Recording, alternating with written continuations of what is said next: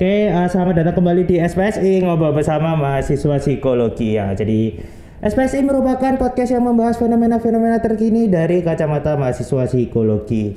Ya, karena kemarin kita sudah membahas Palestina yang sempat kita singgung yang dekat nggak dibantu, yang jauh malah dibantu. Kali ini kita akan kedatangan dua bintang tamu yang kemarin datang respon bencana pas kapan itu? Waktu Ramadan. Oh iya, waktu Ramadan ya. Satu bulan yang lalu ya? Iya, satu Oke, bulan. ya. Jadi satu bulan yang lalu. Jadi eh, kita sambut saja. Ini ada Mas Aslam dan Mbak Anin. Wey, wah. Nah, oke. eh, sebelumnya kenalan dulu ya. Kan ada yang belum kenal. Oke. Eh, halo semuanya, saya Aslam Zakal Fikri dari dari kelas E 18, jadi angkatan 18 aku. Oke, halo semuanya. Eh, saya Ninta Putri Salsabila dari kelas A Psikologi 18 juga. Jadi angkatan sama-sama angkatan 18.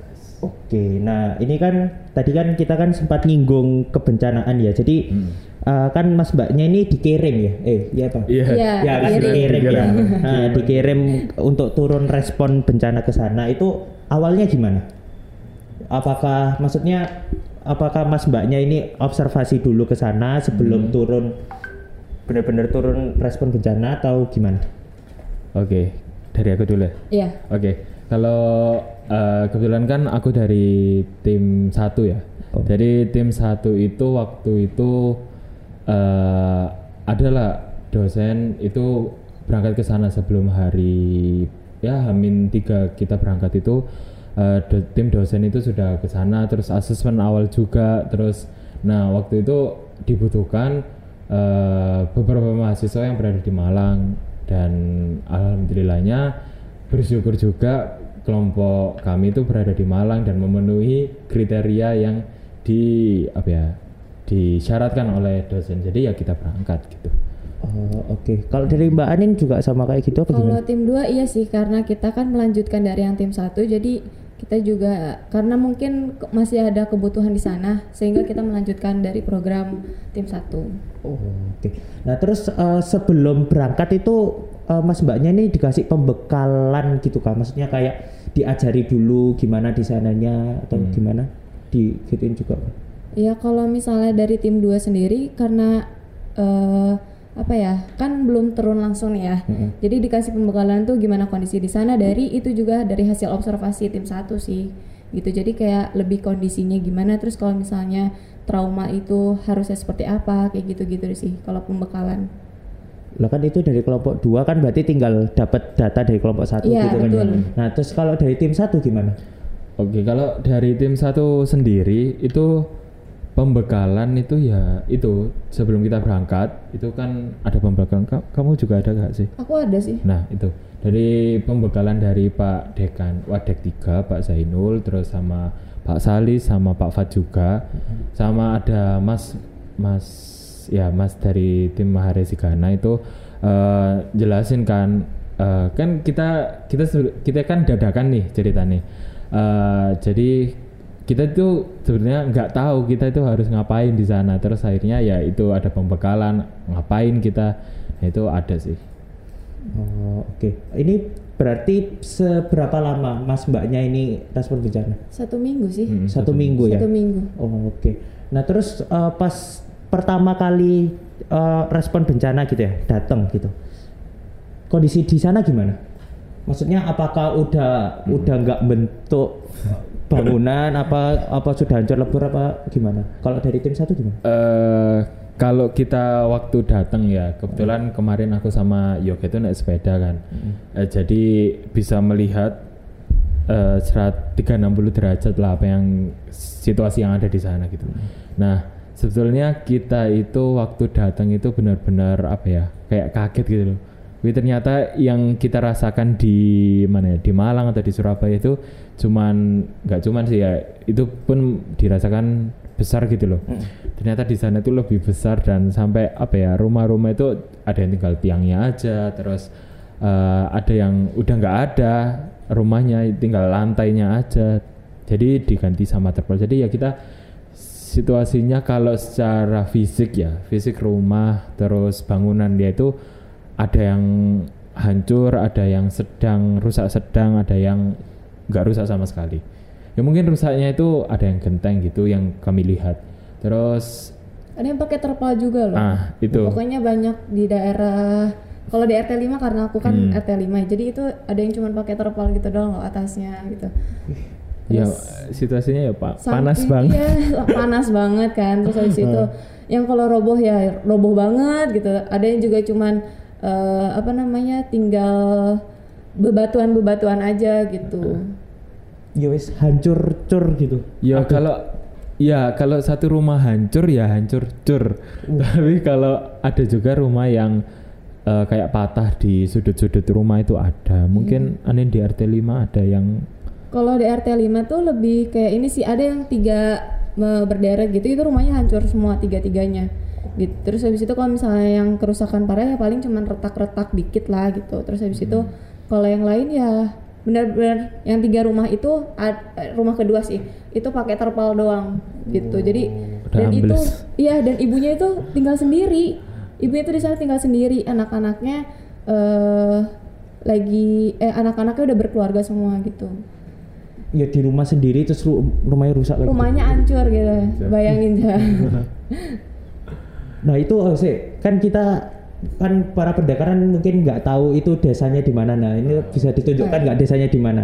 biasanya tuh Jogo Mulyan Iya, Tirto Yudo di Malang Selatan terus itu bukan dampit ya teman-teman. Iya. Kita kita kita awalnya itu mikirnya itu dampit. Ternyata ada kecamatan sendiri yang namanya Tirta Yudo. Nah di Tirta Yudo itu ada desa namanya Jogomulyan. Nah kita di situnya. gitu. Oh, Oke. Nah terus eh, kalau dilihat dari eh, masyarakatnya gimana? Apakah ada trauma atau segala macamnya? Maksudnya ada efek nggak ke masyarakatnya yang di sana kayak gitu? Kan kalau bangunan kan kelihatan, kalau apa ini rusak, ini rusak kan benerinnya, maksudnya lebih bisa kelihatan lah. Tapi kalau dari sisi mentalnya mereka gimana? jelas ada jelas Oh, ada sih itu ah. Terus itu sih, cuman eh, didefinisikan sebagai trauma itu kadang-kadang seperti apa itu harus ditinjau kembali kan ya. Ada juga yang gimana dengan situasi tersebut itu eh situ apa ya kondisinya itu normal di situasi yang tidak normal lah istilahnya seperti itu yang kita bicarakan sering dibicarakan di sana. Jadi ya kadang-kadang ada yang trauma trauma itu trauma ber- berat mungkin dan itu di ada yang waktu asesmen itu adalah diindikasi seperti itu tapi nyatanya emang orangnya itu pendiam gitu. Oke, kalau aku sih ini sih apa namanya lebih efek dari kan karena kita ngasesmennya kan ke ibu-ibu gitu ya. Terus lebih eh, kalau misalnya mereka tuh masih ngerasain ini loh. Kalau misalnya ada suara truk lewat, Heeh. itu mereka masih masih ngerasa itu gempa. Saking karena kalau misalnya suaranya kenceng ya, Mm-mm. keras, Heeh. itu mereka mereka masih kayak aduh gempa ya gitu, aduh lindu ya gitu. Terus sedangkan itu cuman truk lewat aja gitu. Jadi bagi mereka ya trauma secara eh maksudnya efeknya secara psikologisnya itu masih kalau dengan suara keras terus eh, tidur pun masih ada beberapa orang yang masih tidur bareng-bareng kayak gitu. Masih kayak eh, was-was. Kalau misalnya malam-malam eh, apa namanya nggak bisa tidur kayak gitu. Saking rumahnya ada yang roboh sampai harus ngungsi dulu di rumah orang tuanya kayak gitu sih Ya tidur ayam lah ya istilahnya. iya tidur ayam bener Maksudnya tidur ayam tuh nggak anu nggak bener-bener tidur Ah, gitu kan? nggak Oh. kayak kita tidur gitu loh terjaga gitu loh. Jadi kalau ada suara yang kredek atau gimana itu kadang-kadang orang-orang langsung istilahnya langsung bangun langsung jingat gitu. Oh. Dan apa ya? Banyak anak kecil juga waktu yang di asesmen itu eh, mereka itu tidurnya itu nggak di dalam rumah, cuman di teras, di amben lah istilahnya itu.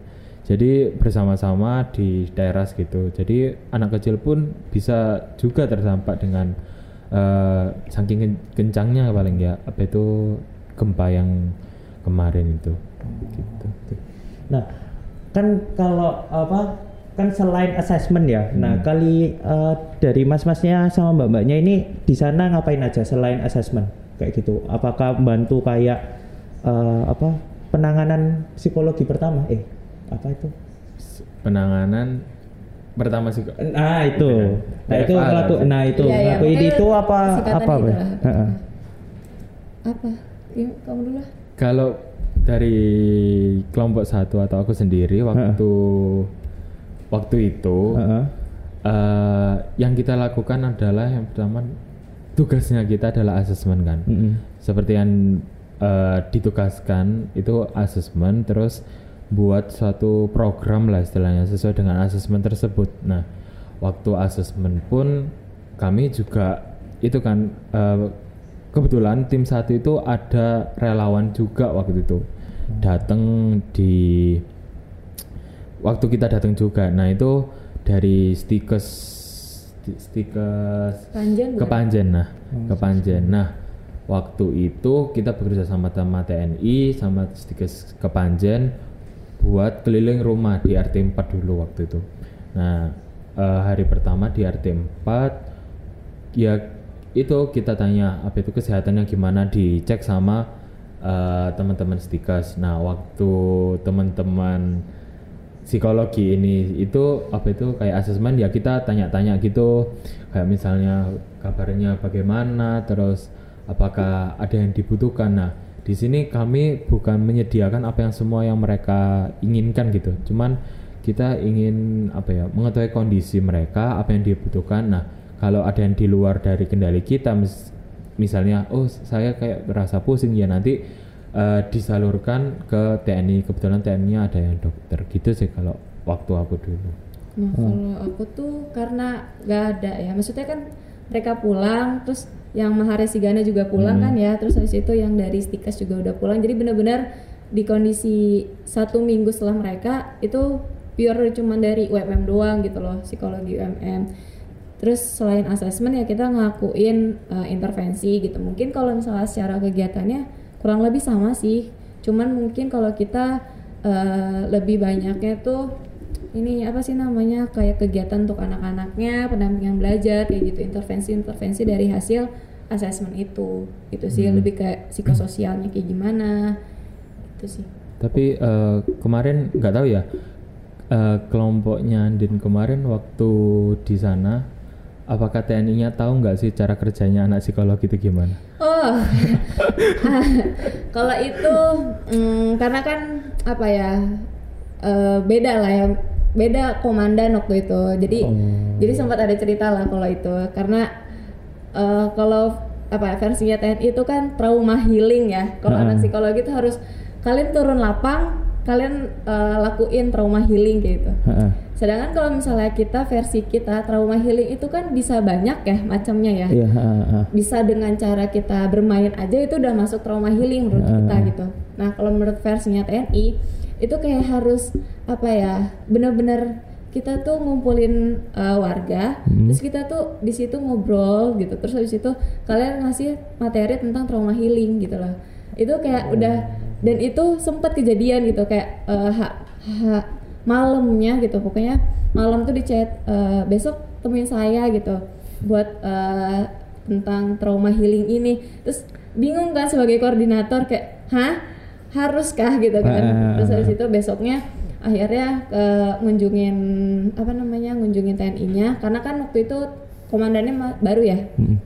jadi belum tahu posnya di mana gitu. Jadi akhirnya eh, ke sana ke balai desa ketemu ngobrol-ngobrol. Ya itu definisinya berbeda. Sedangkan kalau misalnya versinya TNI itu kayak karena udah expert banget di bidang trauma healing sampai bilang "Eh, saya akhirnya dipanggil sama Pak Jokowi buat trauma healing gitu kan. Itu jadi eh, apa ya membanggakan diri mungkin. Sama. Gitu jadi kayak kita mahasiswa cuma bilang iya pak. Siapa? Oh, iya pak. baik pokoknya pak gitu so- kalau sama eh, bapak-bapak TNI itu ada tiga.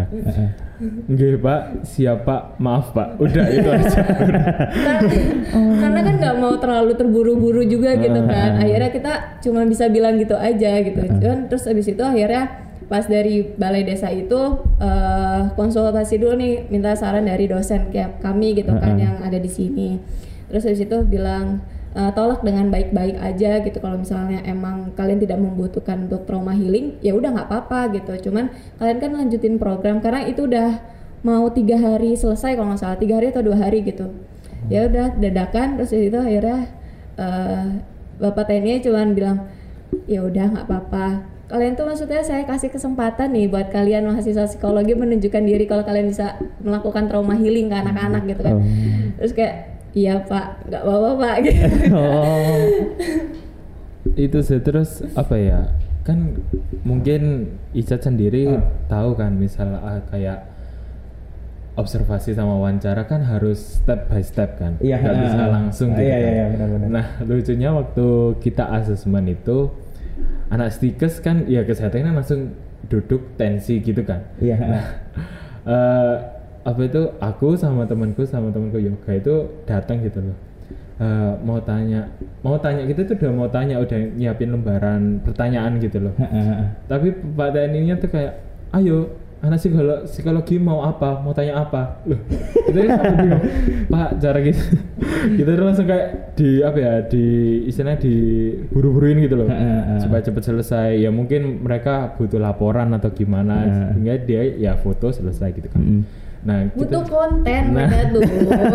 Asal kamu nikah jujur Maaf kan. banget Tapi itu jujur loh, maksudnya sampai TNI yang komandan terakhir itu nunjukin chatnya gitu. Nih saya tuh habis laporan sama komandan Iya. saya, eh, laporannya kayak gini kayak gini. Tuh saya banyak fotonya tuh. Hmm. Terus itu dengan eh, bilang bawahnya habis melakukan trauma healing, padahal bukan trauma healing gitu loh. ya sebetulnya kita apa tuh uh, kita ya maklumi kan mungkin cara kerja mereka seperti itu kan Iya. cuman uh, dalam apa ya tujuan kita dan dengan metode asesmen kita kan nggak bisa sebetulnya kan uh, langsung uh, bu gimana trauma kita nggak mungkin Iya, kan, iya, kan, meninggal nggak nanti bisa. ibunya Iya, iya. Ibunya langsung nggak mau dijawab, nggak mau jawab gitu. Jadi kan kita kan harus Benar, benar, rapat benar. dulu, nah mau rapat kan nggak satu menit dua menit toh, Nah, kita juga butuh berapa menit gitu. Ya itu sih kita pengalamannya kalau eh apa itu ya kalau bekerja sama sama yang lain gitu. Cuman ya kita happy tetap happy kok.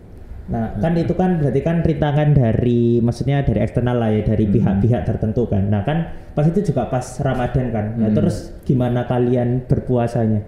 Subhanallah. Subhanallah, lemesnya minta ampun kayak kayak cepet banget capek gak sih kayak Heeh.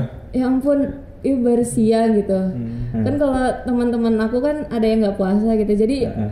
Eh, yang puasa pada tidur yang nggak puasa tuh pada makan karena kita nggak bisa ngeliatin orang-orang makan jadi Terus, kayak cepet eh, capeknya gitu sih Dan di sana itu apa ya? Memang waktunya itu kayak cepat banget gitu loh. Habis kita kan sahur, habis sahur terus ada lah yang belanja di tukang sayur gitu buat Iya, pagi-pagi itu ya, ah, 445 beli itu ya. Ah, selalu 445 ada suara greng dari motor grand. Eh. itu wes pokoknya oh langsung ke sana. Setelah itu kita tidur, kita tidur itu sampai jam tujuan mungkin. Jam 7 udah kita kegiatan kan sampai jam 12. Habis itu istirahat, jam 3 kita ada kegiatan lagi. Jadi kalau dipikir-pikir oh ya cepet ya, tapi kalau dirasakan itu ah, lah kayak aku, aku sampai batal puasa satu kali waktu itu. kalau aku tidak Nah, kan tadi kan sudah sudah bahas tentang puasa ya. Terus kan apa selama selama Mas sama Mbaknya ini respon bencana itu sempat ada kuliah nggak? Terus sempat kesusahan nggak pas kuliah? Kan kita kan kuliahnya semua online kan, kayak Iya. gitu. Ada kesusahan nggak di sana?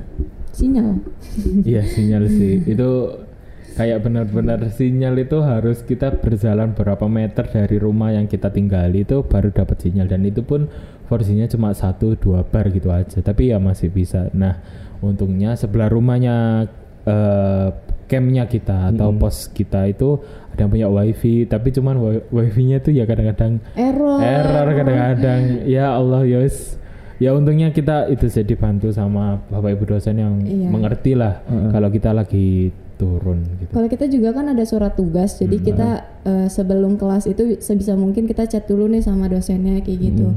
Kita ada lagi ada kegiatan ini, surat tugasnya ini gitu sih. Jadi ya itu sih sebagai apa ya bantuan ya. tapi tugasnya tetap lancar ya kalau itu ya. Oh tugasnya tugasnya nggak ngurang ya? oh ada oh, enggak adil nanti ternyata. Oh. Nah terus selain rintangan-rintangan yang ada, ada nggak kejadian menarik selain itu? kejadian menarik Ini dapat info juga dari tim ada yang katanya ketemu Pak Jokowi ini Oh, eh, tim mana ini? ini, tim nah, satu. tim satu ini gimana gimana? Kok bisa kalau ketemu Jokowi ketemu itu tiba-tiba? bukan ketemu istilahnya itu bukan ketemu sih cuma ya? lihat lihat Pak Jokowi dari jarak 10 meter mungkin ya itu eh, waktu kita hari Hamin dua mau kepulangan kita itu kita tuh secara dadakan gitu ya ya dadakan lagi ya. Eh, tiba-tiba didatengin sama Bapak TNI eh, koordinatornya sana. Kalau kita nggak diberikan penawaran jadi istilahnya pertanyaan bukan pertanyaan eh Disuruh. ya disuruh gitu. Jadi nggak ada kata-kata bisa nggak itu nggak ada. Cuman besok datang assalamualaikum duduk. Besok kalian ngisi trauma healing ya di di apa itu adalah di kecamatan sebelah. Jangan-jangan bapaknya sama. I- Soalnya eh, bapaknya iya bapak iya bapaknya sama mungkin. Eh, Terus habis itu pas ketemu Rio, loh kayak kita pernah ketemu deh gitu. ya wis, pokoknya bapak itu gitu terus kalian besok trauma healing di daerah Dampit sana. Hah? Terus ngapain pak? Terus ya ya trauma healing terus ya udah kan. Besok ya terus sekarang sekarang kalian harus ikut saya buat ke sana untuk swab. Oke Mm. itu sore hari itu. Mm-mm. eh jam 2an ya jam 2an Eh, udah naiklah kita naik IPV kan Mm-mm. ambulans mereka. Subhanallah itu kayak narik naik roll- roller coaster lah istilahnya. Kan jalannya sana kan meliuk-liuk kan. Ah, terus eh, mungkin eh, nyetirnya tuh mantap gitu. Jadi buru-buru juga kan kan komandannya juga telepon gitu. Yaudah kita ke sana seret. Habis ke sana ternyata udah sampai sana tuh jam setengah empat nggak jadi nggak jadi swab gitu loh. Cuman apa itu eh di sana cuman ya lihat-lihat aja oh di sini nanti kalian trauma healing. Eh, nanti ada Pak Jokowi di sini jadi besok kalian digambarin lah kayak digambarin banget kalau nanti kalian itu ketemu Pak Jokowi kalian itu nanti trauma healing oh kita kan ekspektasinya kan besar kan eh, waduh eh. nanti bisa dong foto sama Pak Jokowi terus kita lagi trauma healing gitu kan Iya. Terus- Udah? Ah, ah, sudah sudah mikir lah apa itu kayak gambaran besok itu ngapain gitu Mm-mm. sampai rumah kita mikir besok ada tiga sesi guys Eh, satu sesi satu tuh bangun rapat sama teman anak-anak di sana sesi dua itu nanti kita tanya jawab sesi sesi ketiga kita eh, kayak nyanyi gitu loh kayak kalau ada gempa Iya, iya, lindungi iya. kepala deh gitu Yang lagu Ah, edukasi siaga ah, bencana itu. Oh, terus berangkatlah kita pagi-pagi keesokan harinya. Kita udah siap kan malamnya Hmm. sama Pak Fat juga kita bicarain eh, Pak konsepnya gimana gini-gini gitu. Wes. Terus kayak apa ya effort gitu kayak terus semangat terus. Hmm. Eh waktu hari H datanglah eh, kan kita mikirnya kita dikasih tempat buat itu kan buat ngelakuin trauma healing kan istilahnya mereka trauma healing Mm-mm. ya berarti kita mikir itu acaranya kita kan dan waktu hari hajar setelah di swab ada datang dari kepolisian datang seret kepolisian. Terus dari TNI gini ada. Hmm. terus ya kita bingung kan. Soalnya eh, mereka punya keinginan sendiri-sendiri. Satunya Hmm. ingin gini satunya ingin gini satunya ingin begini. Nah kita kan udah bangun yang dijanjikan oh ini acara kalian ini eh ini tuh tempat kalian buat melakukan trauma healing istilahnya mereka tanda kutip. Ah, terus ya kita bingung waduh kayaknya kita wis nggak nggak dibutuhkan lagi gitu kan ah, ah, ah. terus akhirnya alhamdulillahnya itu ada ibu, dua ibu himsi dan itu baik banget mereka itu kayak bantu kita buat berani ngomong kan kita, kita kan nggak berani ngomong kan apalagi kita mahasiswa Mm-mm. mereka semua berseragam kan Nah. ngeri ngerong gitu lah istilahnya Ah, iya sih, ya ngeri sih. ngeri Ngeri kan kalau kita mau pistol, nggak salah kan? terus kalau kita eh, ngomong ke mereka kan kita mahasiswa mereka ada juga apa ya dari instansi kan Ah, ah, ah. dan dia ada butuhnya juga. Nah dari ibu IMSI ini alhamdulillah dia eh, ibu-ibu ini kayak menjelaskan kepada eh, polisi bahwa kita itu mau gini loh, kita mau eh, melakukan ini dan ini gitu. Dari ibu IMSI itu ya akhirnya kebantulah kita eh, jadi kayak rebutan gitu dalam satu anak eh, kumpulan anak itu rebutan untuk jadi dijadikan subjek gitu loh istilahnya. Nah, Ibu Himsi bantu jelasin apa yang kita lakukan, apa yang kita lakukan eh, adalah kayak sekretaris presiden gitu datang. Eh, tanya, "Bu, ini nanti ngapain ya gini-gini?" Ya dijelasin sama Ibu Himsi. Wes Ibu wes tabarakallah semoga dikasih berkah. Pokoknya karena hari itu kita benar-benar collab, kita benar-benar bingung Eh, karena ke distrak sama yang kita bangun itu nggak cocok banget sama yang kita bangun semalam sebelumnya itu. Terus ya udah dijelasin ke sekretaris presiden, nah udahlah. Akhirnya dari sekretaris presiden hanya beberapa orang yang ada di dalam tenda. Pertamanya dari teman-teman mahasiswa hanya dua orang saja dari kelima orang, jadi yang lainnya keluar. Ya udah tiga apa itu yang lainnya keluar kan tiga orang ini. Berapa jam ada perubahan lagi, Pak Presiden jangan ada banyak orang di dalam tenda tersebut. Ya udah akhirnya kita di sana tuh sebetulnya apa ya nggak Nggak ngapa-ngapain gitu loh. Apa itu istilahnya kita kita yang dipakai itu cuman lagu kalau ada gempa lindungi kepala itu aja yang kita kita berikan. Ya berarti cuma ikut-ikut nyanyi bareng adik-adik setelah itu Bahkan nggak ikut nyanyi kita waktu acara der gitu ya. Heeh. Kita nggak ikut nyanyi, kita nggak ada di tenda, nggak boleh di tenda. Jadi cuma ibu-ibu himsi Heeh. sama bapak-bapak polisi, kepolisian ya ada lah psikologi kepolisian waktu itu datang Oh.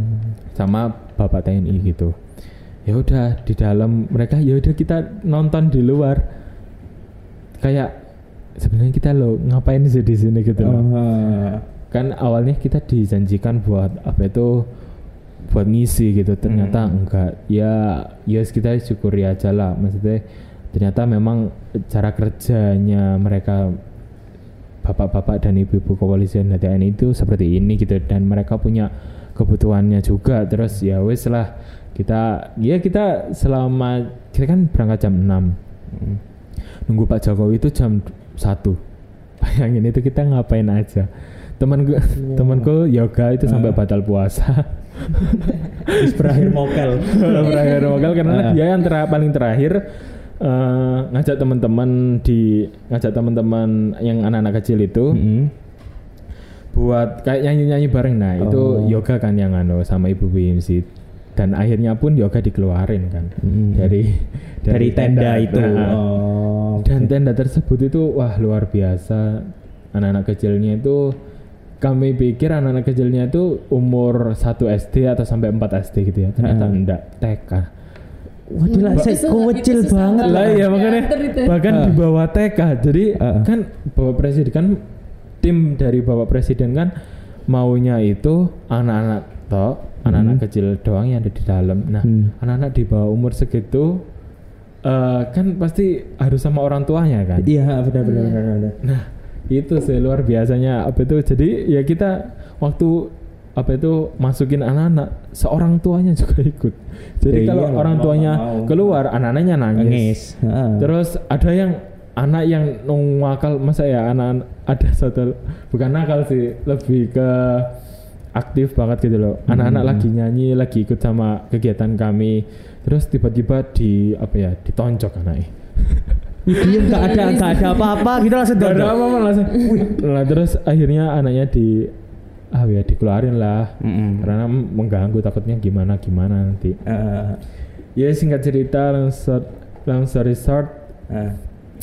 ya udah terus Pak Jokowi datang kita di luar kan luar tenda Heeh. eh terus ternyata tendanya tuh nggak didatengin dong sama Pak Jokowi Cuma dilewatin gitu kan. iya Iya. kan Pak Jokowi datang Heeh. seret datang. Terus ah, Pak Jokowi, Pak Jokowi terus ya kita lihat kan. Iya. Nah, ya lumayan deket lah. Ya 10 meter gitu. Ya, oke oke oke. Ya, jelas itu. Terus anak-anak ini dalam tenda udah dinyanyikan. Oh, oh. Kalau ada kembali gitu Eh. di kepala terus. Eh.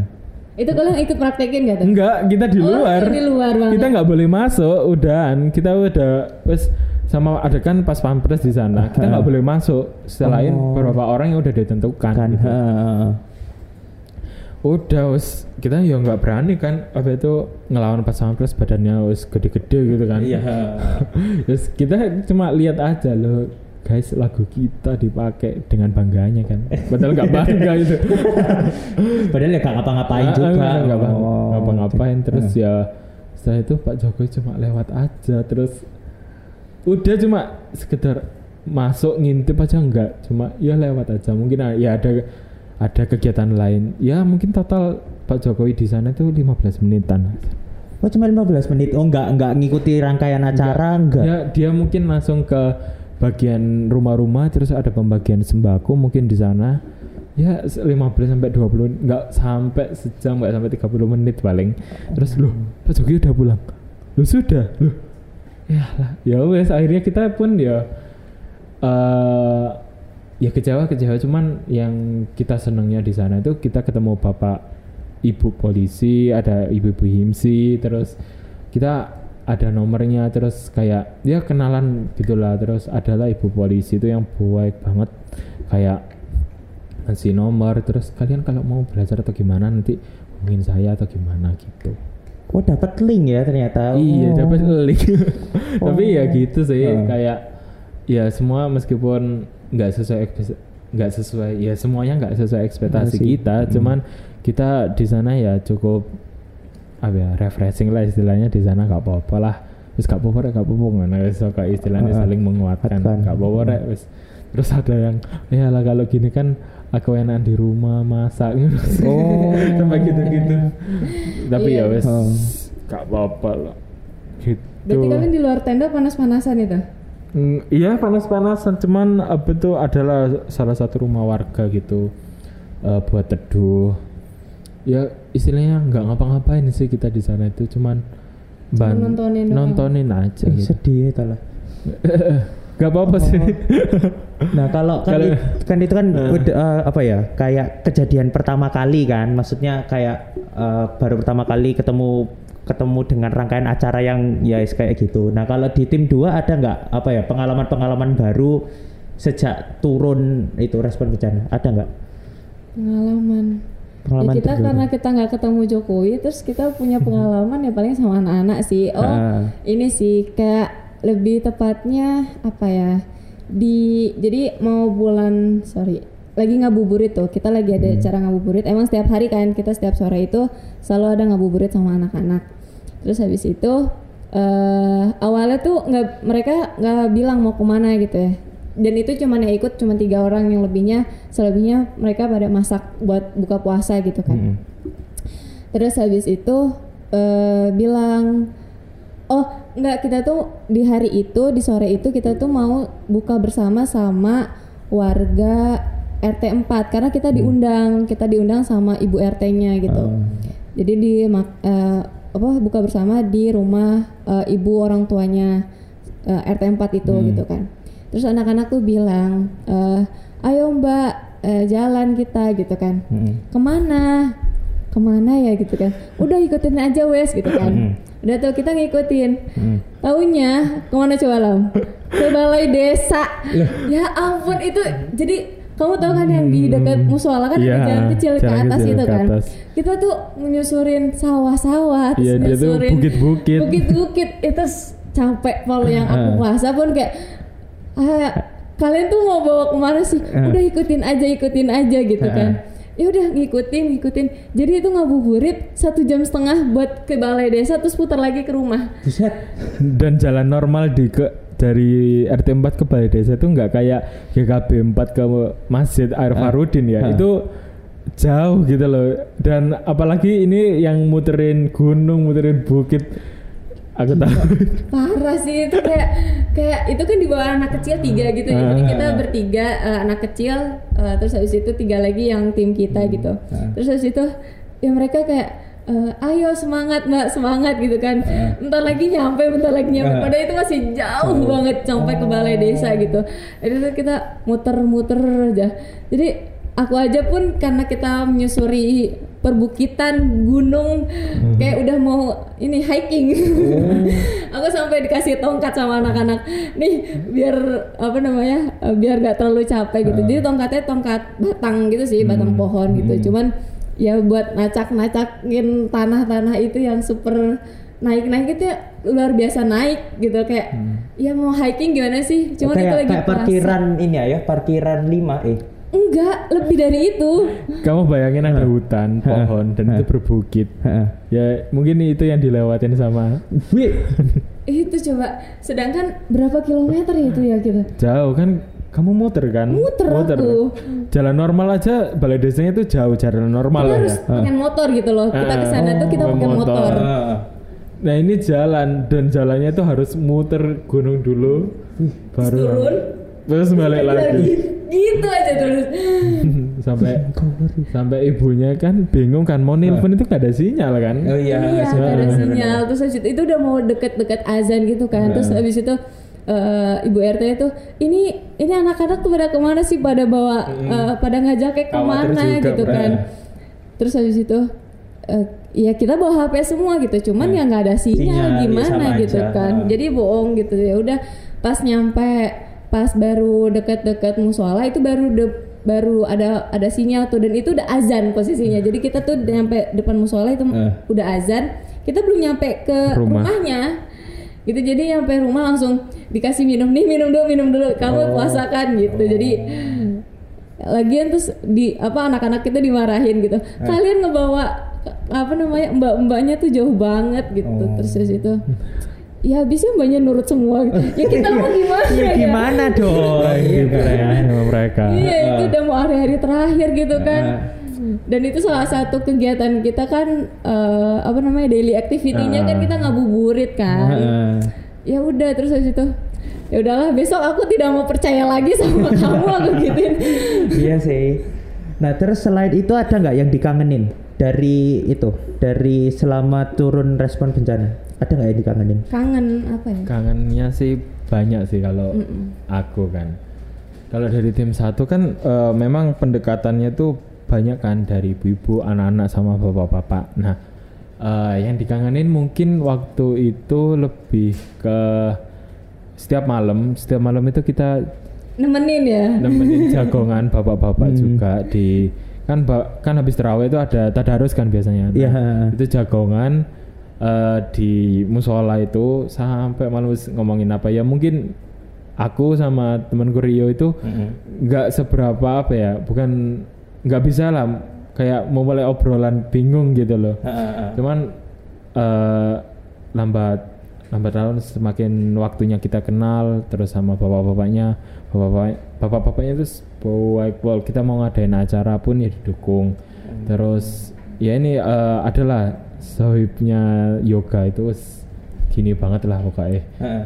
Yes, itu kayak temen lah kayak di sana itu kayak kita tuh dianggap saudara baru gitu loh Dianggap anak juga loh. anak-anak ya, dianggap sama Anak sendiri ibu gitu loh. kan di rumah itu yang kita tinggalin itu ada satu ibu kan butik namanya dan itu sudah tua kayak ya Iya udah tua. sudah udah tua 60-an. ha. dan kayak dianya kayak sendiri gak sih di rumah ya Mm, soalnya nggak punya anak. Is- eh, ya ada lah. Iya. ada ceritanya dari butik gitu. Nah ya kita dianggap anak dianggap terus kayak benar-benar apa ya kita pun waktu itu waktu kemarin tanggal 20 eh 20 berapa? Ya 28 kalau nggak salah. Itu kan eh, eh kok 28 sih? Pokoknya habis hari raya kita tuh ke sana lagi kan. Itu pun juga masih sama rasanya kayak eh, kita tuh diterima sebagai keluarga, diterima sebagai anak, diterima sebagai saudara. Kayak kayak benar-benar ada saudara gitu loh di sana. Jadi kayak kita ke sana pun kayak Nama eh, keluarga ah, baru. kayak mudik gitu loh. Oh, Kemarin kayak kan mudik. saya Oh. mudik gitu loh. Dan banyak sih kayak kangennya itu di sana itu ya meskipun apa ya banyak kesulitan yang kita hadapi tapi ya kesulitan itu yang buat kangen gitu loh terus kadang-kadang eh, di sana pun juga ya- yang awalnya kita bingung mau ngomong apa sama orang. Eh, orang sana pun itu tahu kalau kita itu kayak sedang bingung mau ngomong apa lagi. Terus akhirnya diajak apa itu kayak waktu kita asesmen ya contohnya. Heeh. kita itu kan datang terus mereka tuh nggak apa ya nggak takut adanya kita. Kan biasanya ada orang asing iya apa sih orang ini? Ya. gitu nggak dia malah monggo mas pinara. Padahal padahal kondisi rumahnya itu seperti itu tapi dia bisa memberikan apa ya eh, sambutan yang terbaik buat yang aku menurut aku itu sambutan terbaik yang aku dapatkan di sana. Mungkin Andin ada kamu ke anak-anak nggak sih? Anak-anak sama ibu-ibu ya? Apanya?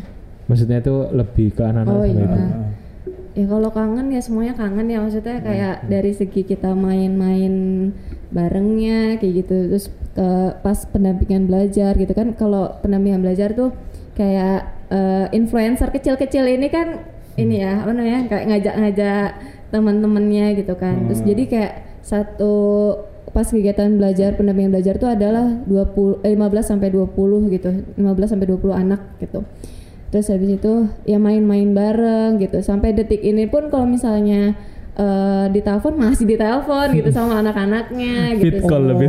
iya Oh, fit di call. Wow. Oh, sampai kayak eh, apa namanya? Kalau misalnya nggak dijawab, telepon lagi, telepon lagi, telepon lagi sampai harus dijawab gitu. Terus eh, berkali-kali kalau aku sih nge-reject ya, karena aku males. karena kalau mereka tuh udah nge-fit call terus habis itu suka eh, apa namanya sinyalnya udah tiba-tiba putus gitu kan nggak nggak ngomong apa pun. Jadi kayak cuman tatap muka gitu doang gitu. Ibaratnya kayak lihat mukanya aja deh udah seneng gitu loh.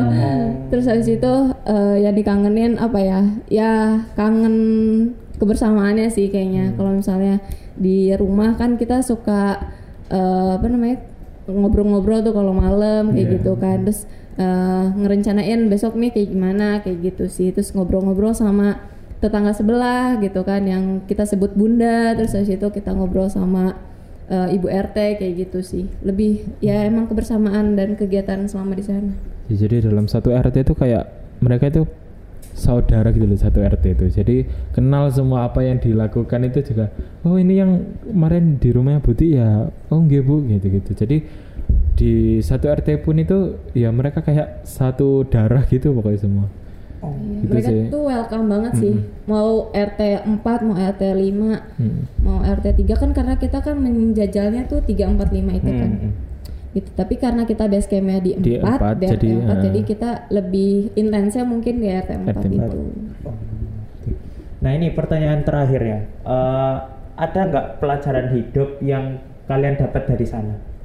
Dari ke- seluruh kegiatan respon bencana yang yang kalian datangi.